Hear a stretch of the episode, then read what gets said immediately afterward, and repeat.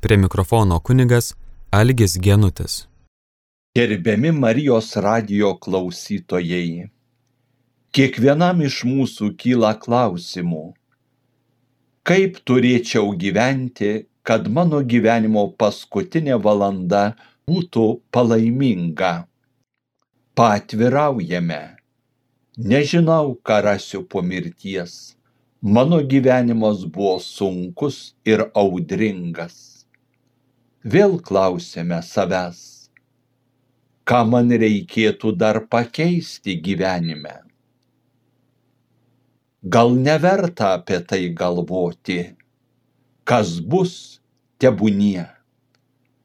Dar blogiau, jei samprotaujame, valgykime, gerkime, linksminkimės, nes vis tiek reikės mirti ir viską palikti mąstančiam žmogui panašūs klausimai ir mintis kyla ne kartą. Tuos dalykus vėl atidedame į šalį. Įvairiausių darbų ir rūpeščių lavina mus taip įsuka į savo sūkurį, kad atrodo nebėra laiko pabėgti nuo pareigų ir kasdieninių rūpeščių, o tuo labiau pagalvoti apie mirtį kaip kelionės pabaigą. Apaštalas Jonas primena, žiūrėkite, kokią meilę apdovanojo mūsų tėvas. Mes vadinamės Dievo vaikai ir esame. Taigi esame Dievo vaikai. Išpažįstame amžinąjį gyvenimą, kuriuo mus apdovanojo dangaus tėvas į tą gyvenimą įžengsime per mirtį. Būtų blogai, jei mes, Dievo vaikai, nieko nemastytume apie susitikimą su savo tėvu. Nepamirškime dar vieno svarbaus dalyko. Bažnyčios sielovados ir maldos praktika vis primena apie pasiruošimą mirčiai kiek kartų girdėjome skaitytą ir komentuojamą Evangelijos ištrauką, kurioje mirtis prilyginama susėlinančių vagių besirengiančių įsilaužti į namus, paraginimu būdėti, nes nežinome nei dienos, nei valandos. Arba štai mergaitės, kurios buvo nepasiruošusios įeiti į vestuves jų žibintai geso, kadangi neturėjo alyvos įpilti į žibintuvą. Vėl tas pats įspėjimas būti pasiruošusiems. Savo maldomis prašome laimingos mirties malonės. Nuo staigios ir netikėtos mirties gelbėk mus viešpatė, gėdame visų šventųjų litanijoje švenčiausiąją mergelę Mariją prašome mūsų užtarti mūsų mirties valandą, kalbėdami maldą sveika Marija, šventoji Marija, Dievo motina, melsk už mus nusidėjėlius, dabar ir mūsų mirties valandą. Save pavedame šventajam Juozapui, laimingos mirties globėjui kalbėdami maldą po rožančiaus spalio mėnesį.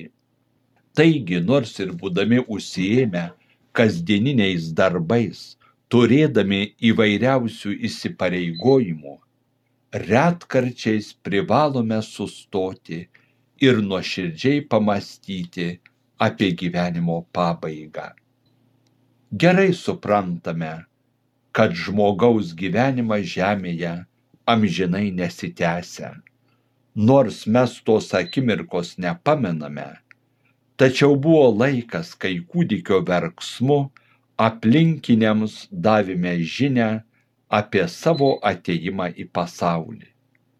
Suprantame, kad ateis valanda, kai paskutiniu atodusiu atsisveikinsime su šiuo pasauliu beveik visi sutinka su teiginiu, kad žmogaus gyvenimas Žemėje panašus į kelionę. Kelionė nėra paprastas pasivaikščiojimas. Keliautojas prieš savo akis mato tikslą, kuri privalo pasiekti. Mūsų kelionė prasidėjo gimimu, o užsibaigs mirtimi. Konkreti kiekvieno mūsų mirties valanda žinoma tik Dievui. Žmogaus gyvenimas žemėje susideda iš praeities, dabarties ir ateities.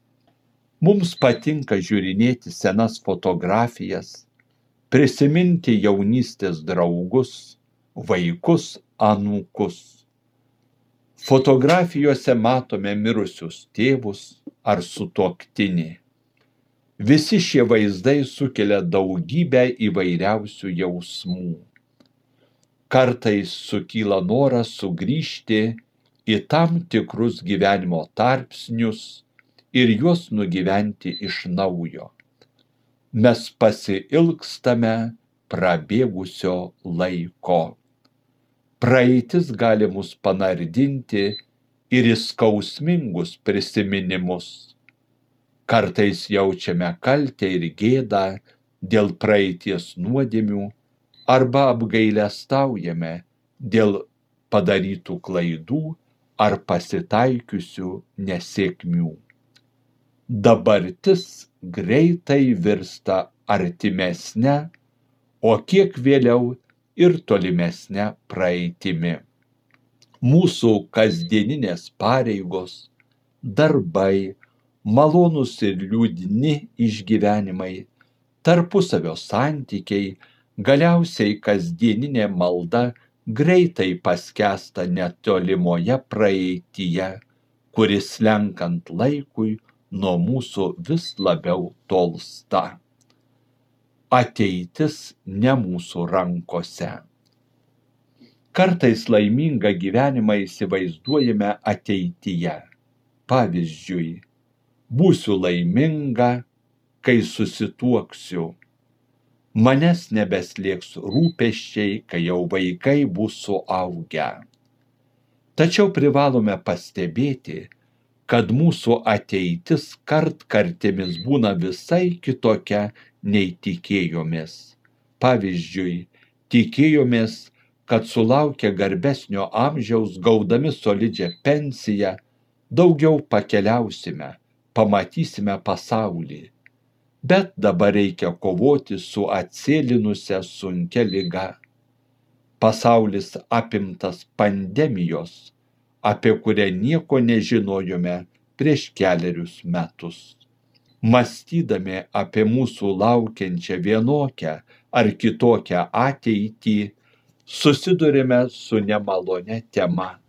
Ateityje mūsų laukia žemiškosios kelionės pabaiga ir mirtis. Šventajame rašte skaitome, kad Dievas sukūrė žmogų pagal savo paveikslą ir panašumą. Kurėjas žmogų apdovanoja laimingų gyvenimo rojuje ir duoda vieną svarbų įsakymą.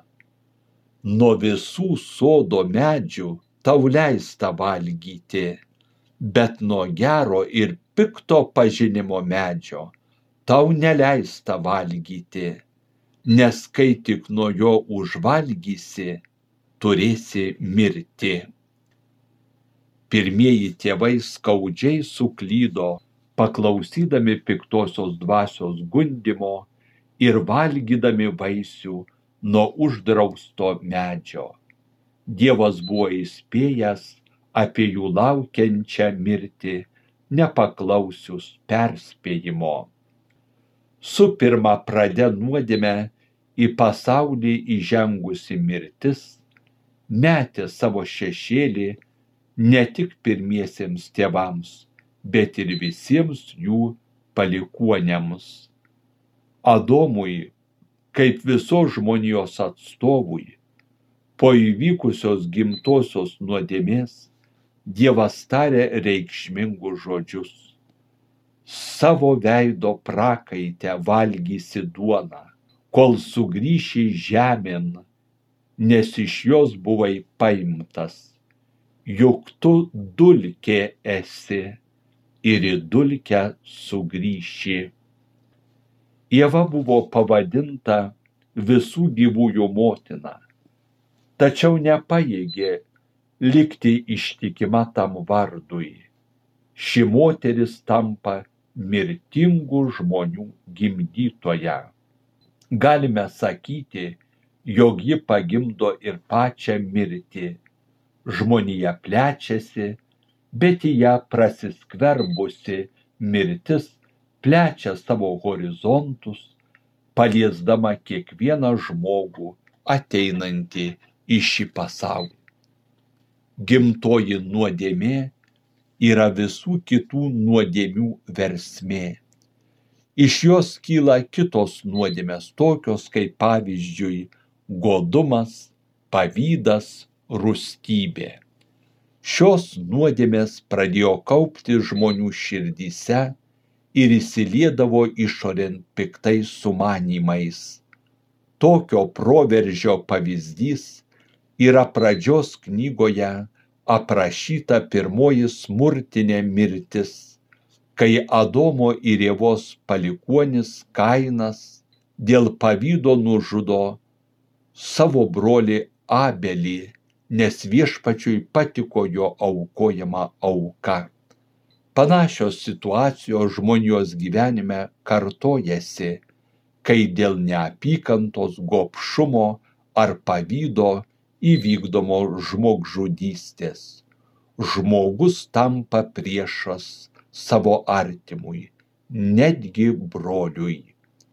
Sukurdamas pirmuosius tėvus, Dievas panorėjo, kad jų palikuoniai sudarytų vieną didžiulę žmonijos šeimą, kurioje kiekvienas narys turi tą patį prigimtinį žmogiškąjį orumą. Kas pasikesina į kito gyvybę, šį orumą sutrypia ir vykdo nusikalstamą smurtą prie žmogų kaip Dievo kūrinį. Pasikesinimas į žmogaus gyvybę tam tikru būdu yra pasikėsinimas į patį Dievą. Apaštalas Paulius moko, kaip Adome visi miršta, taip Kristuje visi bus atgaivinti, tačiau kiekvienas pagal savo eilę. Pirmasis bus Kristus, tada priklausantys Kristui jo ateimo metu jis gi turi karaliauti ir paguldyti po savo kojomis visus priešus. Kaip paskutinis priešas bus sunaikinta mirtis. Visi žmonės kaip adomo ir ievos palikuoniai paliesti gimtosios nuodėmės miršta. Tikėjimo požiūriu mirtis yra tikras atpildas už nuodėmę Kristus kaip Dievas ir žmogus viename asmenyje savo kančia, mirtimi ir prisikėlimu mirti nugalėjo. Ir mums pažadėjo amžinąjį gyvenimą bei prisikėlimą. Todėl Kristuje būsime atgaivinti.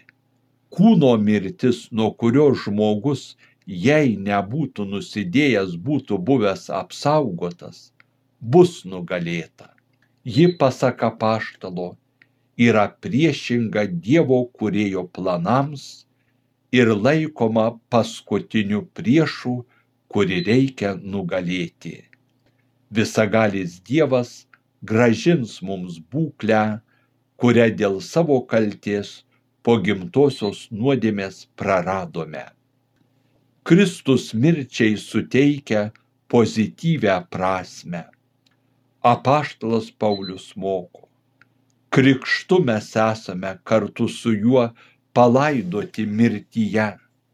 Kaip Jėzus buvo prikeltas iš numirusių tėvo šlovinga gale, taip ir mes pradėtume gyventi atnaujintą gyvenimą. Jei esame suaugę su jo mirties paveikslu būsime suaugę ir su prisikėlimu pakrikštytasis sakramentiniu būdu miršta su Kristumi, palaidojamas jo mirtyje. Kiekvienas krikščionis yra suaugęs su Kristaus mirties paveikslu. Tačiau krikštu mes ištrūkstame iš nuodėmės vergyjos, vedančios į mirtį ir likdami vienybėje su Kristumi pradedame naują gyvenimą. Kadangi esame suaugę su Kristaus prisikėlimo paveikslu, todėl dalyvaujame jo prisikėlime. Tiesa, pilnutinio dalyvavimo Kristaus prisikėlime dar nepasiekėme, tačiau mūsų krikščioniškas gyvenimas yra neatskiriama tokios garbingos ateities dalis. Kokia brangi yra krikšto malonė, vedanti mus į atnaujintą gyvenimą su prisikėlusiu Kristumi. Jau minėjome, kad žmogaus gyvenimas susideda iš praeities, dabarties ir ateities. Kaip turėtume žvelgti į savo praeitį, kad ji Dievui patiktų. Prašykime viešpati šviesos, kad savo praeitį labiau matytume jo akimis. Dievas traukia mus prie savęs. Jis džiaugiasi mūsų palaiminimo valandomis. Liūdėjo, kai mes dėl padarytų nuodėmių nuo jo nusigrėžėme ir atsitolinome. Ta tiesa mums sunku pripažinti. Regis, ji nedėra su mūsų gyvenimo tikrove. Prisiminkime sunaus palaidūno istoriją aprašyta Luko Evangelijoje. Būdavo atveju, kai mes panašiai elgdavomės kaip sūnus palaidūnas, tačiau Dievas mūsų pasigailėdavo ir mums dovanodavo. Dievas nori mus paguosti ir nuraminti, kad į savo praeitį galėtume žvelgti ne kaip į pasmerkimo prarąją, bet kaip į Dievo gailestingumo liudijimą. Jėzus sutiko eiti ant kryžiaus, kad mums netektų vilkti gėdos naštos dėl savo nuodėmių. Savo malonę viešpats visą gali išvesti į gerą, netgi mūsų suklydimus ar neišmintingus sprendimus. Patikėkime, kad Dievą mylintiems viskas išeina į gerą.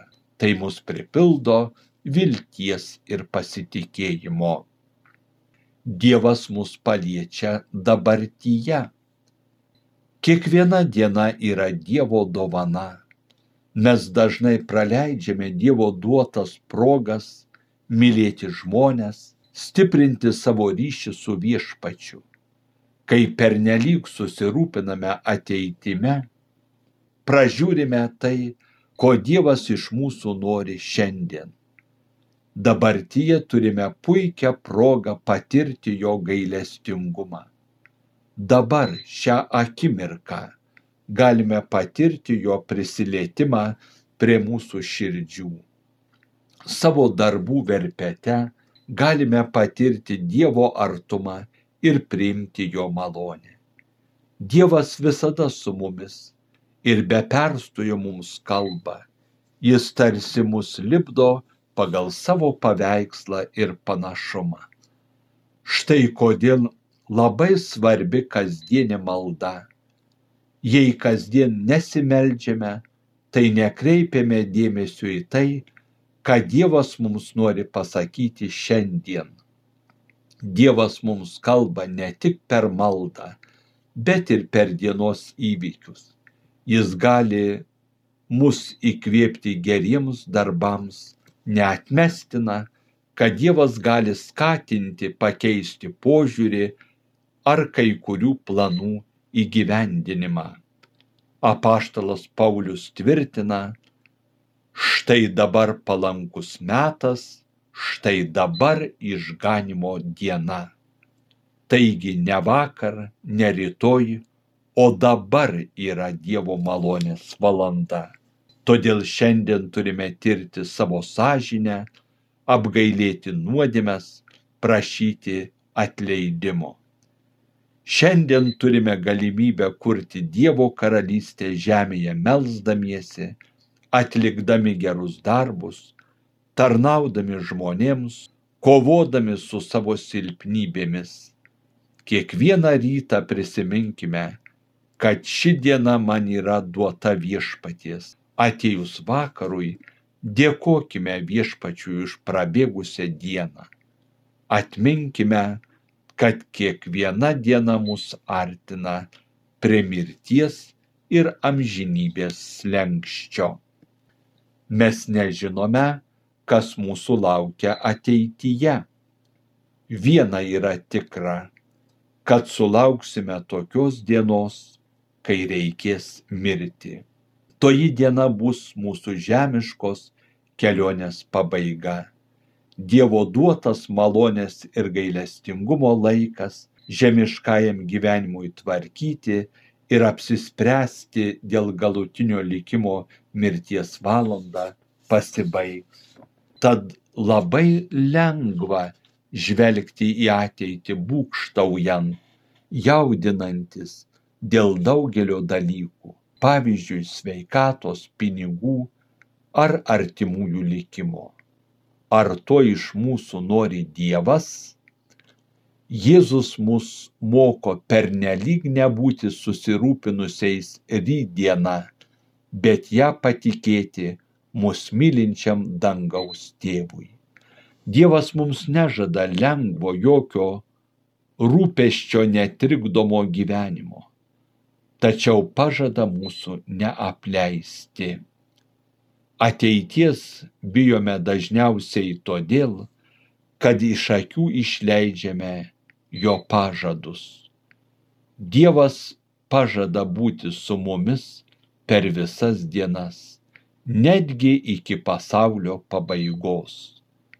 Kad ir kokie netikėtumai mus ištiktų, Dievas visada išlieka ištikimas savo pažadams ir mūsų neapleidžia. Dievas mums žada amžinai gyvenimą ateityje.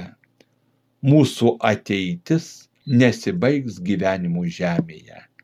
Kristus primena, tegul neįsigasta jūsų širdys. Mano tėvo namuose daug buveinių. Jeigu taip nebūtų, argi būčiau pasakęs, einu jums vietos paruošti amžinasis gyvenimas su viešpačiu yra mūsų gyvenimo tikslas, mūsų ateitis. Atsidūrę mirties akivaizdoje ir būdami samoningi, galime padaryti kai kuriuos svarbius sprendimus. Vieni jų būna kilnus, kiti dėja labai apgailėtini prieštaraujantys Dievo valiai. Tokiu apgailėtinu sprendimu laikytinas kėsinimasis į savo gyvybę eutanazija. Progresuojanti lyga krikščionį skatina permastyti savo gyvenimą ir atsiduoti Dievo valiai, ištvermingai nešant gyvenimo kryžių iki mirties gyvybę mums davė Dievas, todėl mes nesame jos absoliutus šeimininkai, bet tik tvarkytojai pagal Dievo duotus įsakymus. Mūsų mirties valandą nustatė Dievas.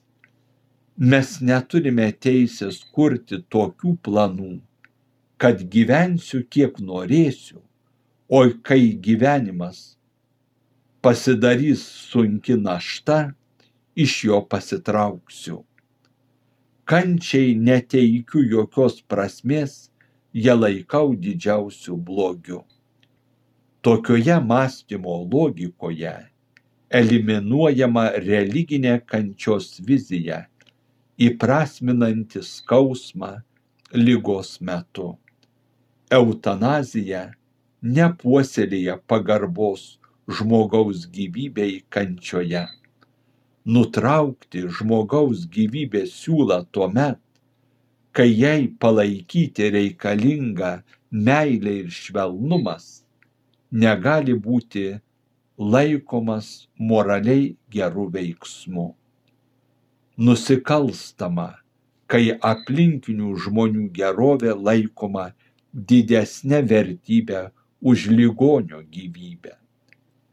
Eutanazija negali būti laikoma tinkama priemonė pasiruošti amžinybei. Anot šventojo popiežiaus Jono Pauliaus antrojo, eutanazijoje nėra viltingų gyvenimą puoselėjančių ženklų. Joje matomi tik mirties kultūros pėtsakai. Besiartinančios mirties akivaizdoje Dievo gerumo ir gailestingumo ženklas yra Jėzaus Kristaus įsteigtas ligonių sakramentas. Šventuoju ligonių patepimu ir kunigų maldomis bažnyčia ligonius paveda kenčiančiam ir išaukštintam viešpačiui, kad palengvintų jiems kančias ir juos gelbėtų. Bažnyčia dažnai primena Jokūbo laiško žodžius kas nors pas jūs serga, te pasikviečia bažnyčios vyresniuosius ir jie tesimeldžia už jį, patepdami aliejumi viešpaties vardu. Tikėjimo malda išgelbės ligonį ir viešpats jį pakels, o jeigu jis būtų nusikaltęs, jam bus atleista. Šis sakramentas teikiamas sunkiai sergantiems arba dėl senatvės patekusiems į mirties pavojų. Bažnyčios rūpestis, kad tikintieji tinkamai pasinaudotų šiuo sakramentu, patiriamus vargus ir skausmus savo norų jungtų su Kristaus kančia ir mirtimi, juos aukotų už pasaulio išganimą ir šitai prisidėtų prie visos Dievo tautos gerovės. Kas galėtų suskaičiuoti, kiek išgelbėta ir suraminta sielų šiuo sakramentu. Lygos, kurią tenka išgyventi, negalime suvokti kaip bausmės už asmenines nuodėmes fizinė negalia yra glaudžiai susijusi su žmogaus egzistenciniu silpnumu.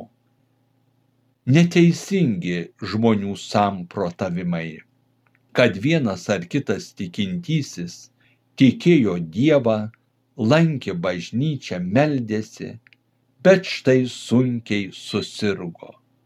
Už ką jam tokia bausmė? Kristus buvo be jokios nuodėmės, tačiau prisėmė kančią ir su mumis pasidalijo visais žmonių skausmais.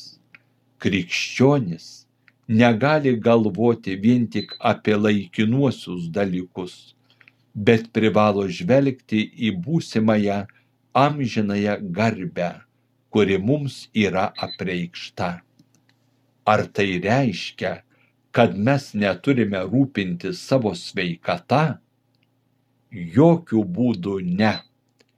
Kiekvienas privalome rūpintis savo sveikata, savęs neįstatyti į nereikalingus pavojus ar rizikas, kuriomis galime pakengti sveikatai ar netgi gyvybei.